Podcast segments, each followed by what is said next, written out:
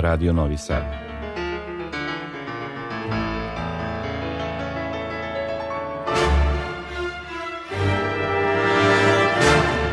Domaća muzička scena.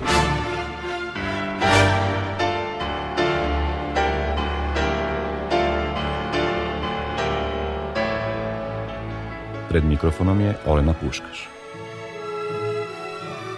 Dobroveče, želim vam iz našeg studija. Tu je i ton majstor Dragan Bujanović, spremni smo da vam pravimo društvo u narednih stotinu minuta. Umetnička muzika na našim koncertnim podijumima je u najširem smislu tema kojom se u ovoj emisiji bavimo. Dobar deo vremena večeras će činiti osvrt na najnoviji koncert Vojvođanskog simfonijskog orkestra koji je održan 12. novembra u Beogradu, a 13. u Novom Sadu. Čućete i nešto o ovogodišnjem festivalu Kustendorf Classic, a imamo dosta toga i da najavimo za sledeće dane jer zaista stiže mnogo informacija o raznim muzičkim događajima. Večera ćemo emisiju početi jednom poznatom muzičkom tačkom Giulia Bricialdija, inspirisanom Venecijom, jer sutra u Novi Sad dolazi orkestar Friuli Venecija Giulia. To je pogranična oblast na severu Italije oko čuvenog grada na vodi. Taj orkestar će nam prirediti veče pod nazivom Italijanske impresije.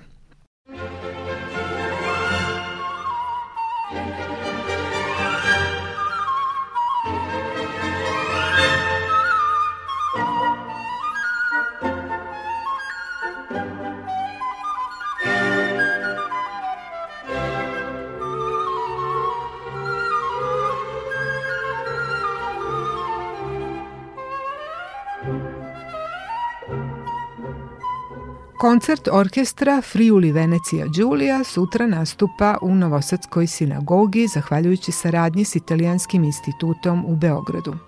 Program koji će izvesti sadrži dela italijanskih autora Verdija, Pučinija, Maskanija, Čile, Rosinija, Donizetija, a najavljen je kao raskošna, melodična, emotivna i vanvremenska muzika velikana italijanske opere. A gde je opera, tu su i solisti i pevači. Sutra nastupaju Claudia Mavilija sopran, Stefano Tancilo tenor i Simone Deuziano bas.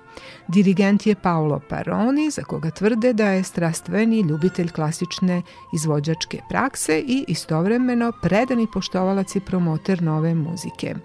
Ima bogatu biografiju u kojoj se bez sumnje izdvaja imenovanje za gostujućeg dirigenta New York City baleta 2014. Inače, orkestar koji ćemo sutra slušati u sinagogi je novi simfonijski sastav nastao na inicijativu regije Friuli Venecija Đulija sa ciljem da se sjedini raznovrsno muzičko nasleđe ove pogranične regije bogate muzičke tradicije. Orkestar sarađuje s velikim takmičenjima u ovoj regiji kao i s poznatim nacionalnim i međunarodnim festivalima. Ne propustite koncert italijanske impresije 17. novembra u Novom Sadu u sinagogi. Početak je u 19 sati, a ulaz je slobodan.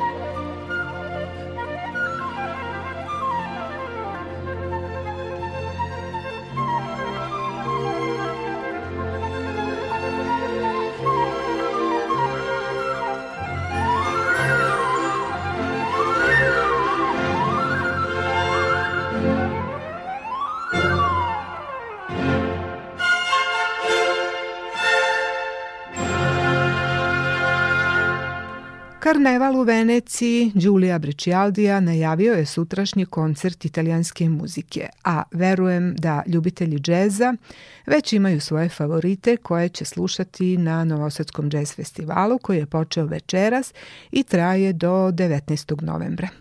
Ako pak više volite romantičarski zvuk klavira, onda vam preporučujem da u petak 18. novembra svakako dođete u gradsku kuću, jer tamo od 20 sati nastupa mađarski pijanista Tamaš Erdi.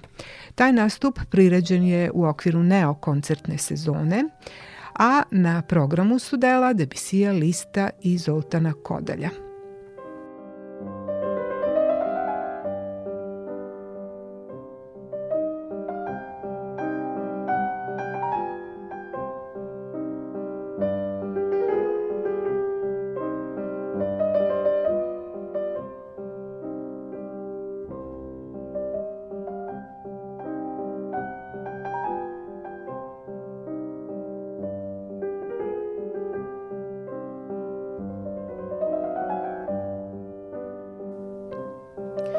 Tamaš Erdi je slepi pijanista koji je rano ispoljio muzički talenat i želju da svira klavir, pa su nastavnici osmislili strukturni metod kako bi mogao da nauči note i pijanističku tehniku bez čula vida.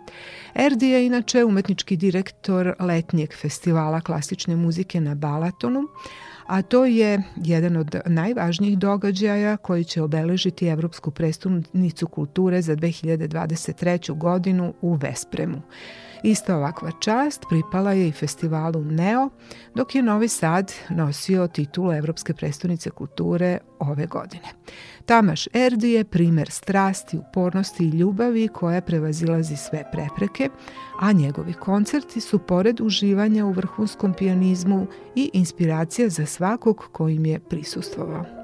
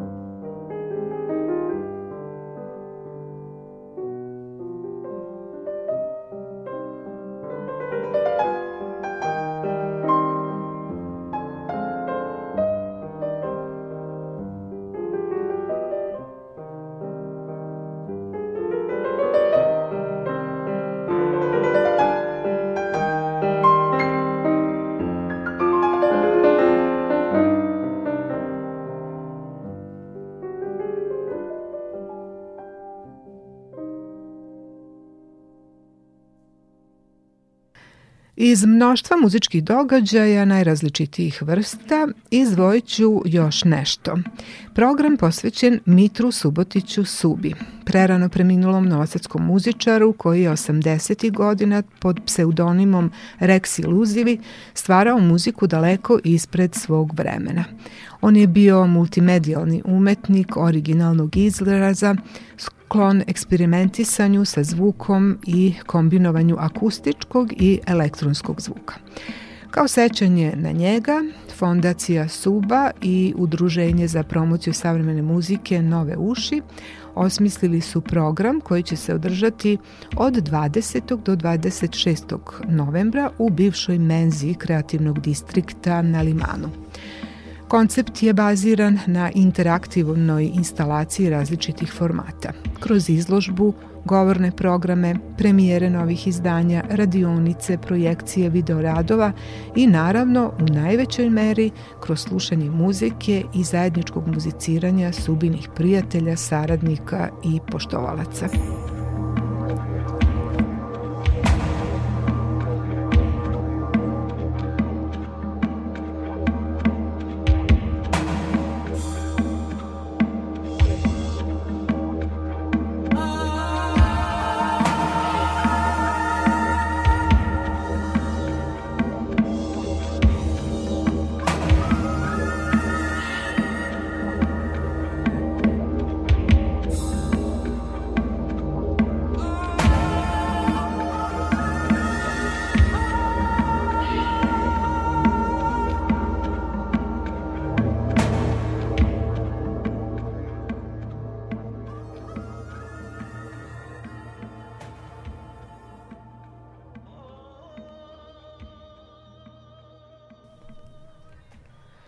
Narednog vikenda, dakle 19. i 20. novembra, u kulturnoj stanici Svilara održat će se projekat pod nazivom Arije i dueti operske literature, koji će voditi operska umetnica Sonja Šarić.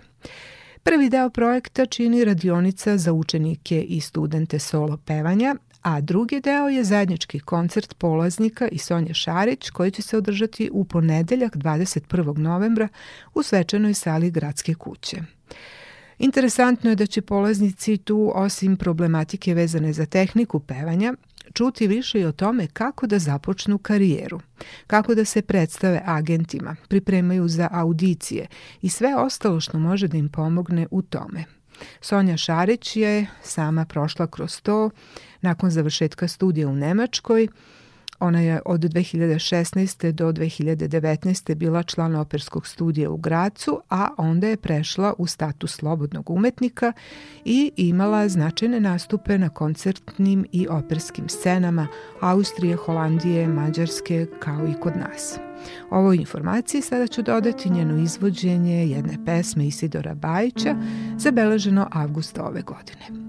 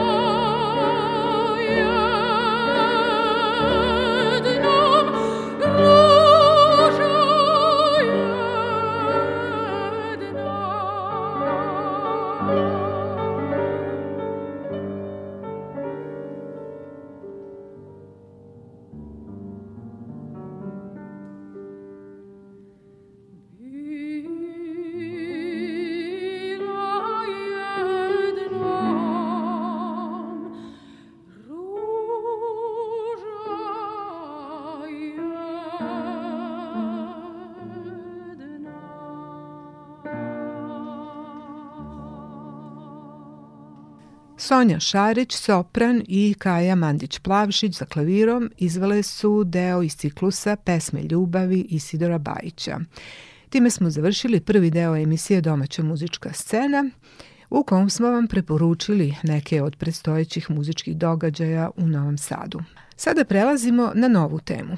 Prenećemo vam nešto sa ovogodišnjeg Međunarodnog muzičkog festivala Kustendorf Classic, koji je održan 23. oktobra na Mokroj gori.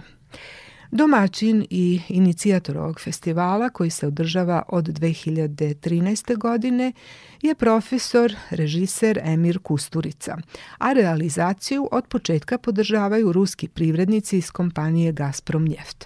Nažalost, umesto višednevne manifestacije na koje je uvek učestvovalo mnogo učenika i studenta muzike, kao i vrhunskih umetnika iz naše zemlje i Rusije, sada je događaj trajao samo jedan dan. Ipak bio je sam po sebi ekskluzivan, jer je u ovo vreme zabrane ruskim umetnicima da nastupaju na svetskim scenama, prema Kusturicinim rečima, ovo sada jedina srpsko-ruska institucija koja na nivou učenika srednjih muzičkih škola ostvaruje kulturološku vezu između dva naroda.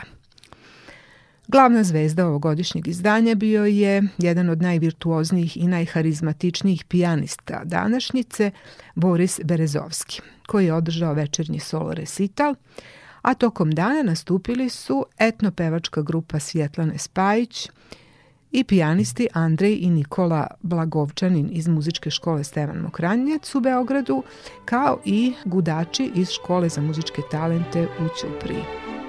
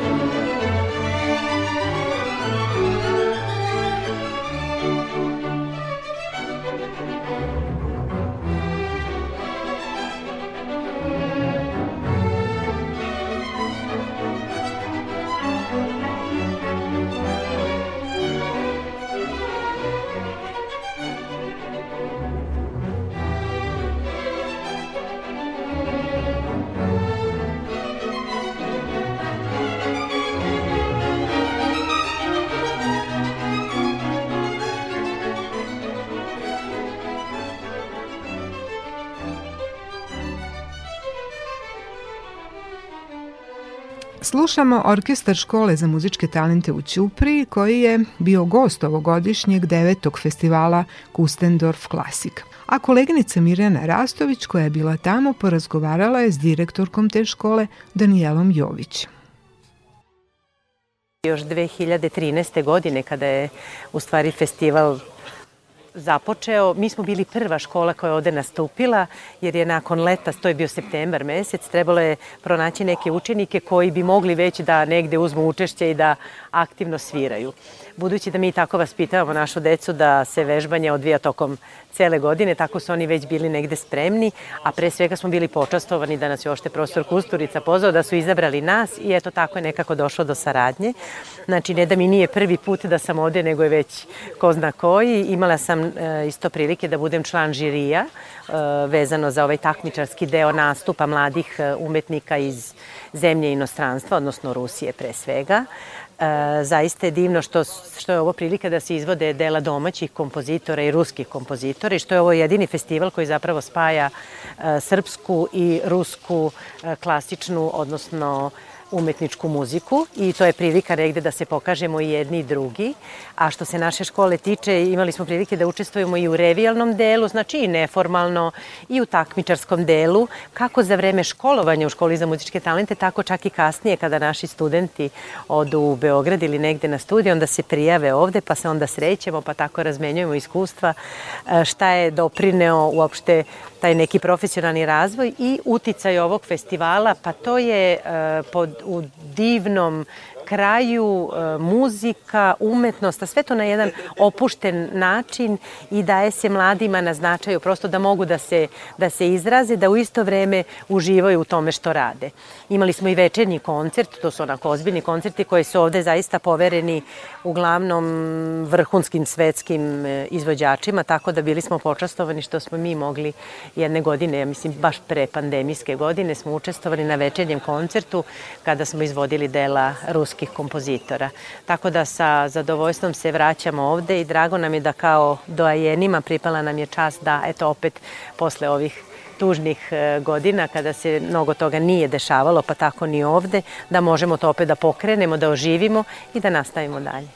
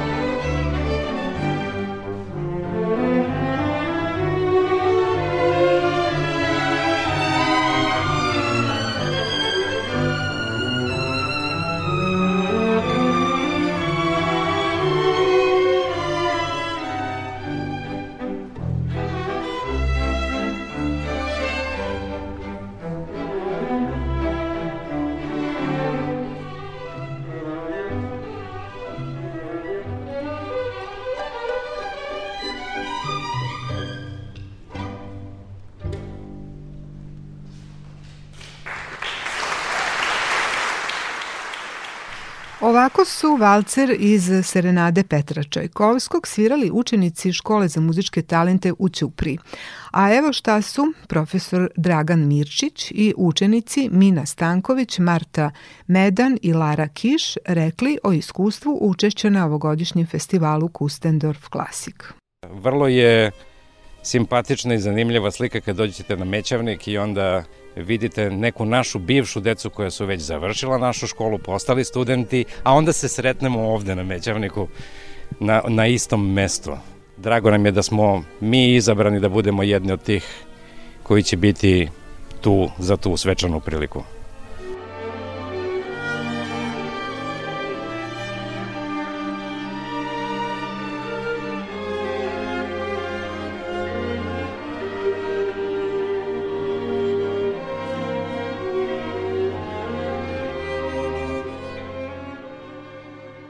Mi smo ovde dugogodišnji prijatelji i od kako postoje ovaj festival ovde, mi smo česti gosti, ali zbog korone naravno nismo imali priliku da sviramo ovde već dve godine, tako da a, je ovo nama prvi put jer smo mi sada u velikom orkestru, ranije smo bili mlađi i nismo svirali i za nas je ovo jedno novo iskustvo.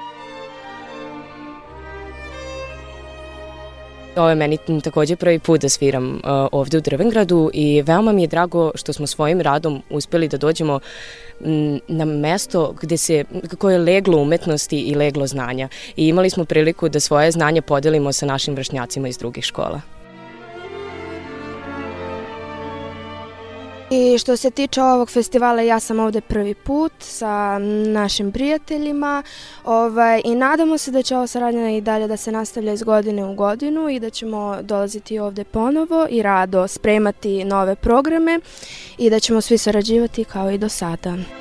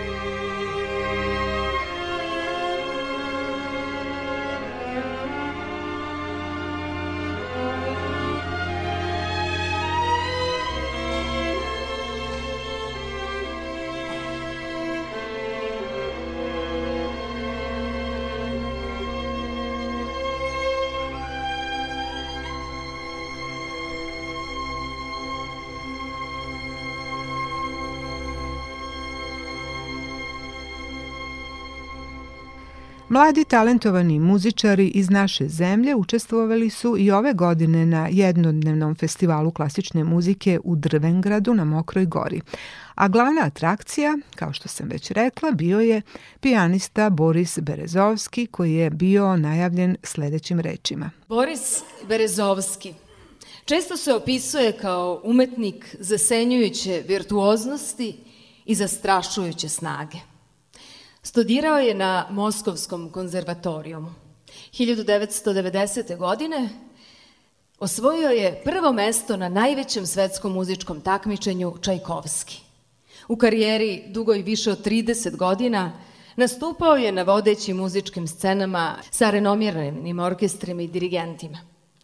Večeras na Mećavniku izvodi Sergej Prokofjev, sedam komada iz Roma i Julije – Zatim Ludvig van Beethoven, sonata broj 28 u A-duru, Dmitri Šostaković, šest prelida, opus 34 broj 6 i Sergej Rahmanjinov, sonata broj 2.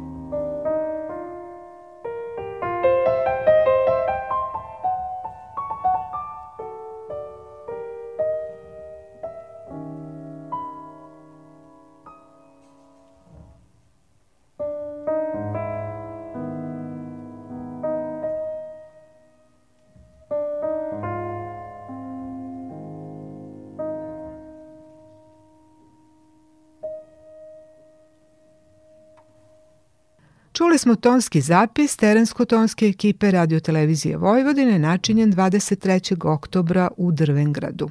Boris Berezovski svirao je šest prelida Dmitrija Šostakovića. Ovaj slavni ruski pijanista oduševio je publiku koja je došla na festival Kustendorf Classic, a posebno uzbuđenje kod prisutnih izazvalo je njegovo maestralno i raskošno izvođenje sonate broj 2 Sergeja Rahmanjinova, iz koje ćemo sada čuti završni treći stav.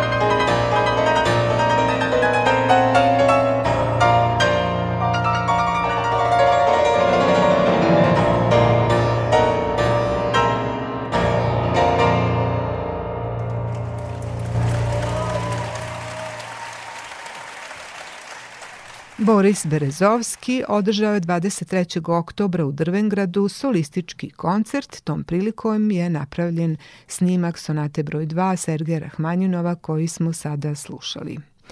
A ovo su talasi Radio Novog Sada. U toku je emisija Domaća muzička scena.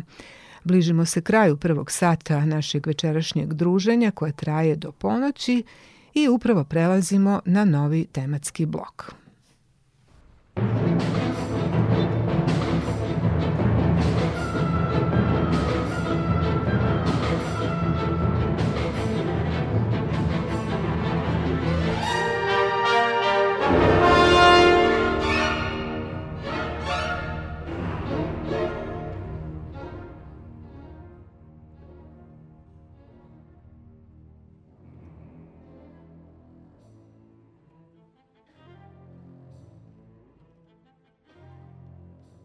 Nedugo posle upečatljivog nastupa s violinistom Gordanom Nikolićem na svečanom otvaranju Nomusa, Vojvođanski simfonijski orkestar je pripremio novi program koji je izveden 12. novembra na sceni Kolačeve zadužbine u okviru festivala Bemus, a dan potom i u Novosadskoj sinagogi.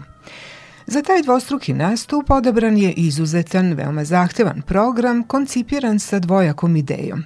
S jedne strane da našoj publici proširi vidike i priuštio je nešto drugačije od standardne simfonijske i koncertantne literature, a s druge strane da muzičari i njihov šef dirigent Aleksandar Marković prodube prošle godine započetu saradnju i nastave rad na profilisanju kompaktnijeg i raznovrsnijeg ukupnog orkestarskog zvuka. U prvom delu večeri izvedeni su odlomci iz opere Saloma Richarda Strausa, a u drugom simfonija broj 3 Aleksandra Skrijabina, poznatija pod nazivom Božanska poema. Interesantno je da su oba dela nastala iste 1905. godine i da su oba kompozitora u svojim zemljama, prvi u Nemačkoj, a drugi u Rusiji, sledili poznoromantičarske ideje koje su tada širom Evrope bujale pod utiskom Wagnerovih smelih inovacija. Ipak i Strauss i Skrijabin su veliki individualci koji su izgradili svoj osebujan i prepoznatljiv muzički jezik, pun boja i fluidnih melodijskih linija, ogromnih kulminacija dramske snage. Takva dela zahtevaju prošireni sastav orkestra sa vrsnim iskusnim pojedincima, a takođe je i izuzetno važna uloga dirigenta koji će toj džungli paralelnih melodija i teških harmonija dati pravi smisao koji je po pravilu u tesnoj vezi s nekim dramskim sadržajem ili van muzičkim programom.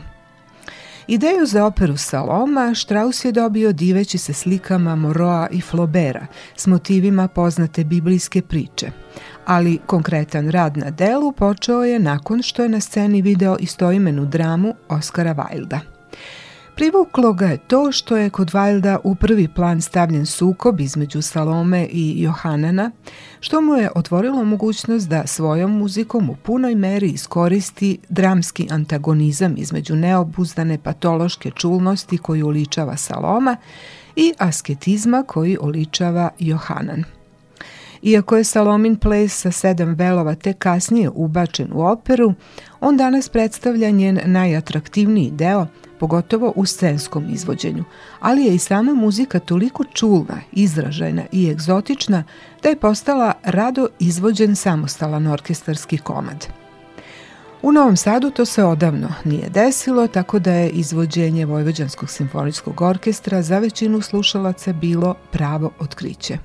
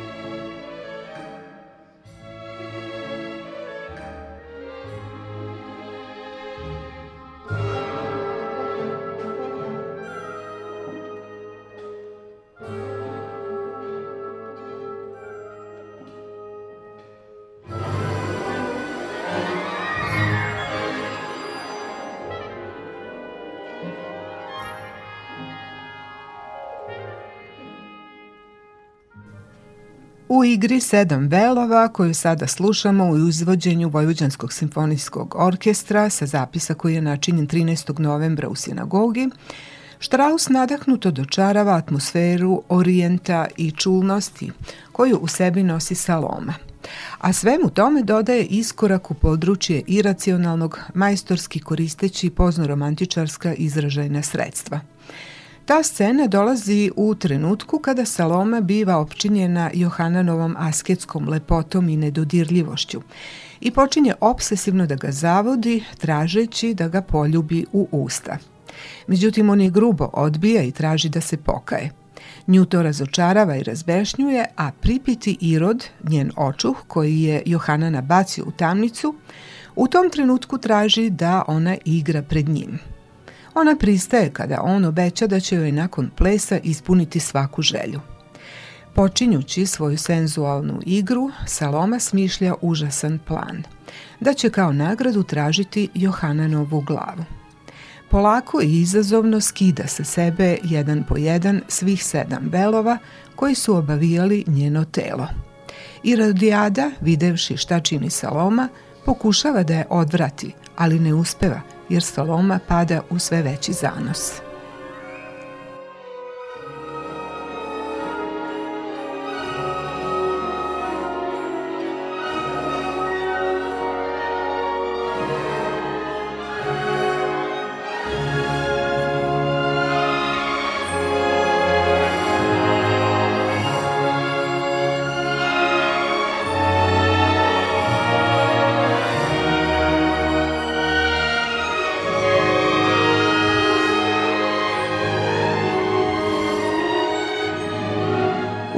Salominom plesu čujemo smela harmonska rešenja koja donose duge trenutke narastanja napetosti, neobične koloritne kombinacije instrumenta kao i solo zvuke, flaute, oboje, zveket orijentalnih udaraljki, a nakon toga reske zvuke limenih duvača.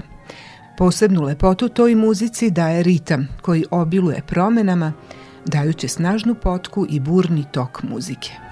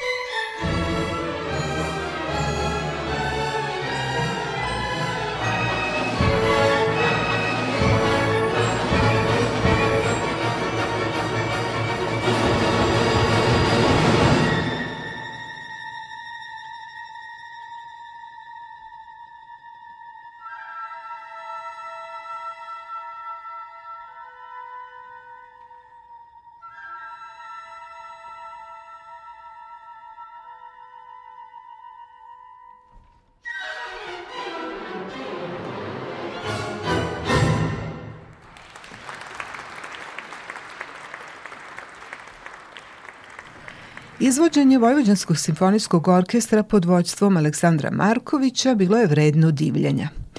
U tome velikog udela ima očigledan Markovićev afinitet prema nemačkom repertoaru ranog 20. veka s kojim se upoznao tokom studija u Beču. A onda je, razvijajući svoju karijeru u Austriji, Nemačkoj, Engleskoj, Češkoj, Poljskoj, imao priliku da u praksi još bolje pronikne u tajne tog specifičnog, veoma složenog muzičkog jezika. Ove jeseni je u Slovenskom narodnom kazalištu pripremio novu produkciju Štrausove Ariadne na Naksosu.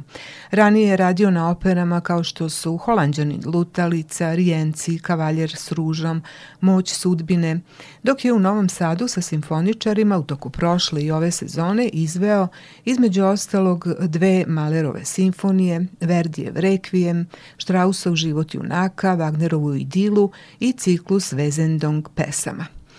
Za najnoviji nastup s Vojvođanskim simfonijskim orkestrom odebrao je dva ključna odlomka iz Štrausove opere Saloma. Prvi, Salomin ples, smo malo čas čuli, a drugi je završna scena, odnosno dramska kulminacija dela sa osebujnim Salominim monologom. Za doživljaj ovog odlomka presudan je izbor solistkinje, U ovom slučaju to je bila sjajna Majda Hundeling, nemačka sopraniskinja, rečima stručne kritike opisana kao harizmatična i sofisticirana u izrazu emocija, sigurna i upečatljiva u svim registrima.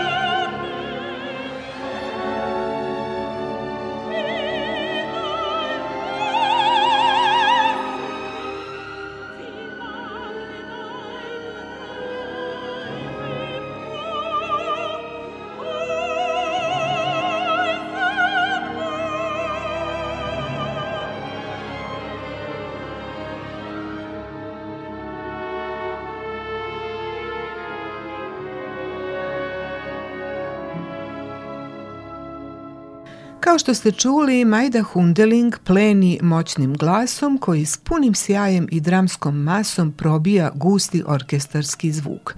Njena dikcija je jasna i povezana s muzičkim akcentima i značenjem reči. Moćan srednji registar, precizne zaobljene visine i nada sve dramska izražajnost vode nas kroz priču junakinje koja je zbog neuzvraćene ljubavi skovala užasan plan. Kroz operu se demonska priroda Salome razotkriva postepeno tokom drame, tako da muzika sve intenzivnije narasta i podvlači sukob Erosa i Tanatosa sve do potpunog rastrojstva i moćnih salvi zvuka koje čujemo na kraju. Ovde prepoznajemo i motivsku tehniku razrade kojom Strauss gradi veze između likova i njihovih emocija.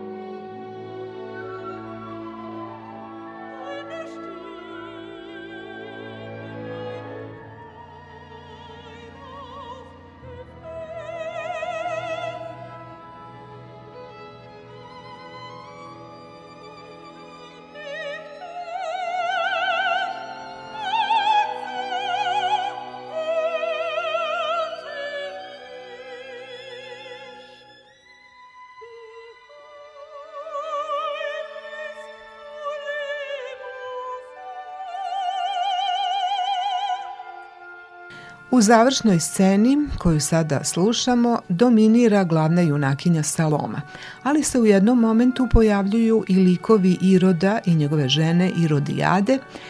Njih su u Novom Sadu tumačili mecosopran Sofija Cingula i tenor Jan Vacik. Iako nevelik, njihov vokalni udeo koji je do slušalaca dopirao od ozgo, s leve i desne galerije sinagoge, delovao je efektno kao užasni poslednji vapaj za spas dragocenog života koji će uticati na sve njih. Zaprepašteni Irod, koji Johanana smatra svetim čovekom i plaši se Božije kazne, preklinje Salomu da se predomisli. Pošto ona ne odustaje, on rezignirano naređuje da se njen zahtev ispuni. Najzad, pred njene noge stavljaju joj odsečenu glavu ljubljenog na štitu – Ona je u suludom zanosu ljubi, sve dok Irod ne naredi vojnicima da je ubiju.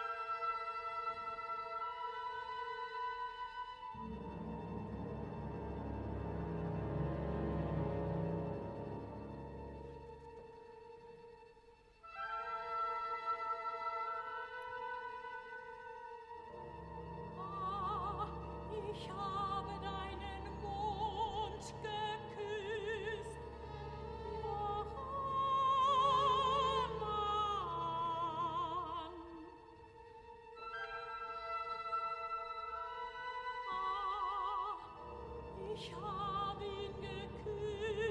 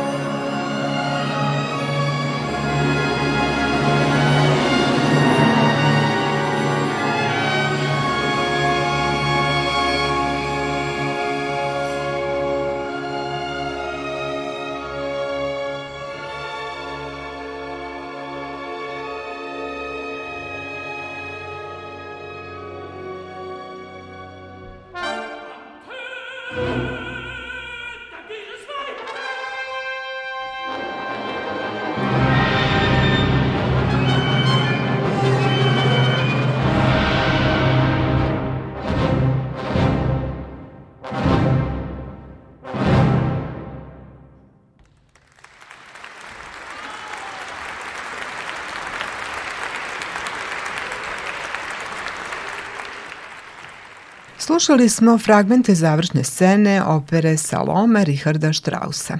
Glavnu solističku partiju tumačila je Majda Hundeling, tu su bili i Sofija Cingula i Jan Vacik kao Irod i Irodijada. Vojvođanskim simfonijskim orkestrom dirigovao je Aleksandar Marković. Na ovu muziku odlično se nadovezala božanska poema Aleksandra Skrijabina, jednog od glavnih predstavnika ruskog kasnog romantizma. Odvažan inovator stvorio je osoben zvučni svet i izražajnost koja teže da spoji slušni i vizualni sadržaj, odnosno zvuk i sliku.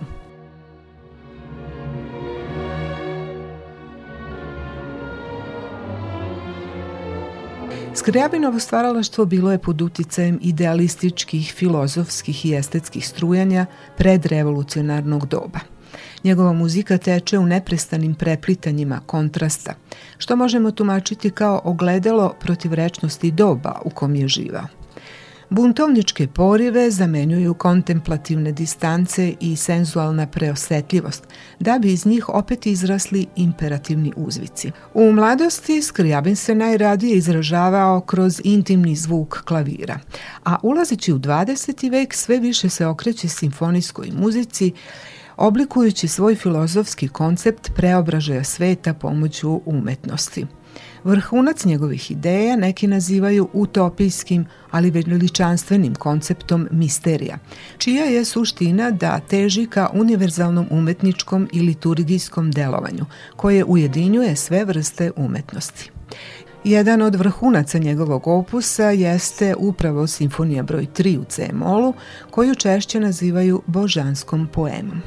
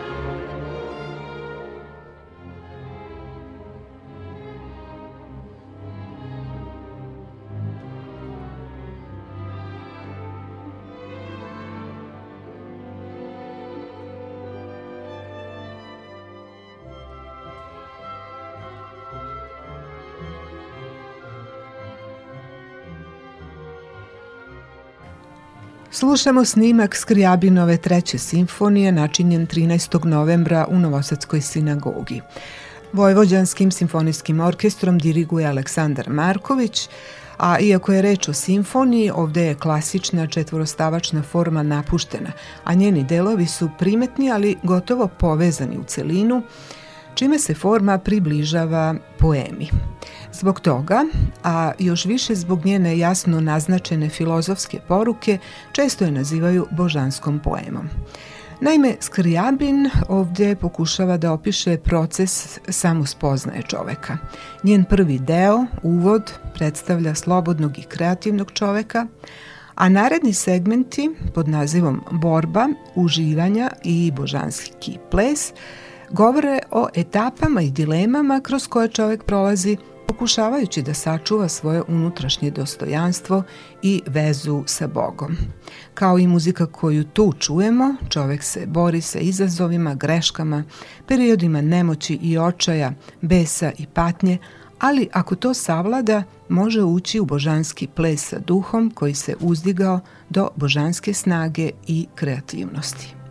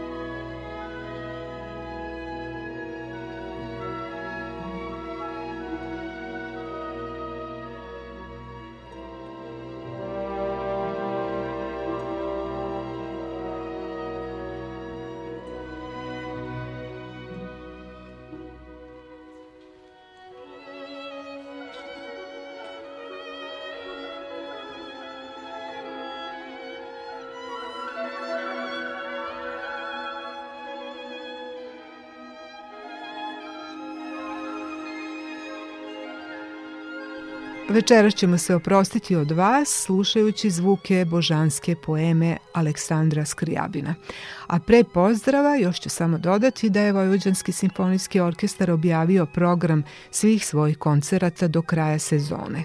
U ovom mesecu nastupit će još dva puta, 29. novembra u Beogradu i 30. u Novom Sadu, Tada će soliste biti violinista Šlomo Minc, a dirigent Leopold Hager. Dakle, vrhunska imena umetničke muzike. Biće i u nastavku sezone odličnih programa i gosti u koji će uz simfoničare nastupiti, ali o tome više neki drugi put. Sada vam želim da se prepustite raskošnim orkestarskim bojama Aleksandra Skrijabina, Do sledeće srede i novog izdanja emisije Domaća muzička scena pozdravljaju vas ton majstor Dragan Vujanović i urednica Olena Puškaš. Uživajte i dalje uz program Radio Novog Sada.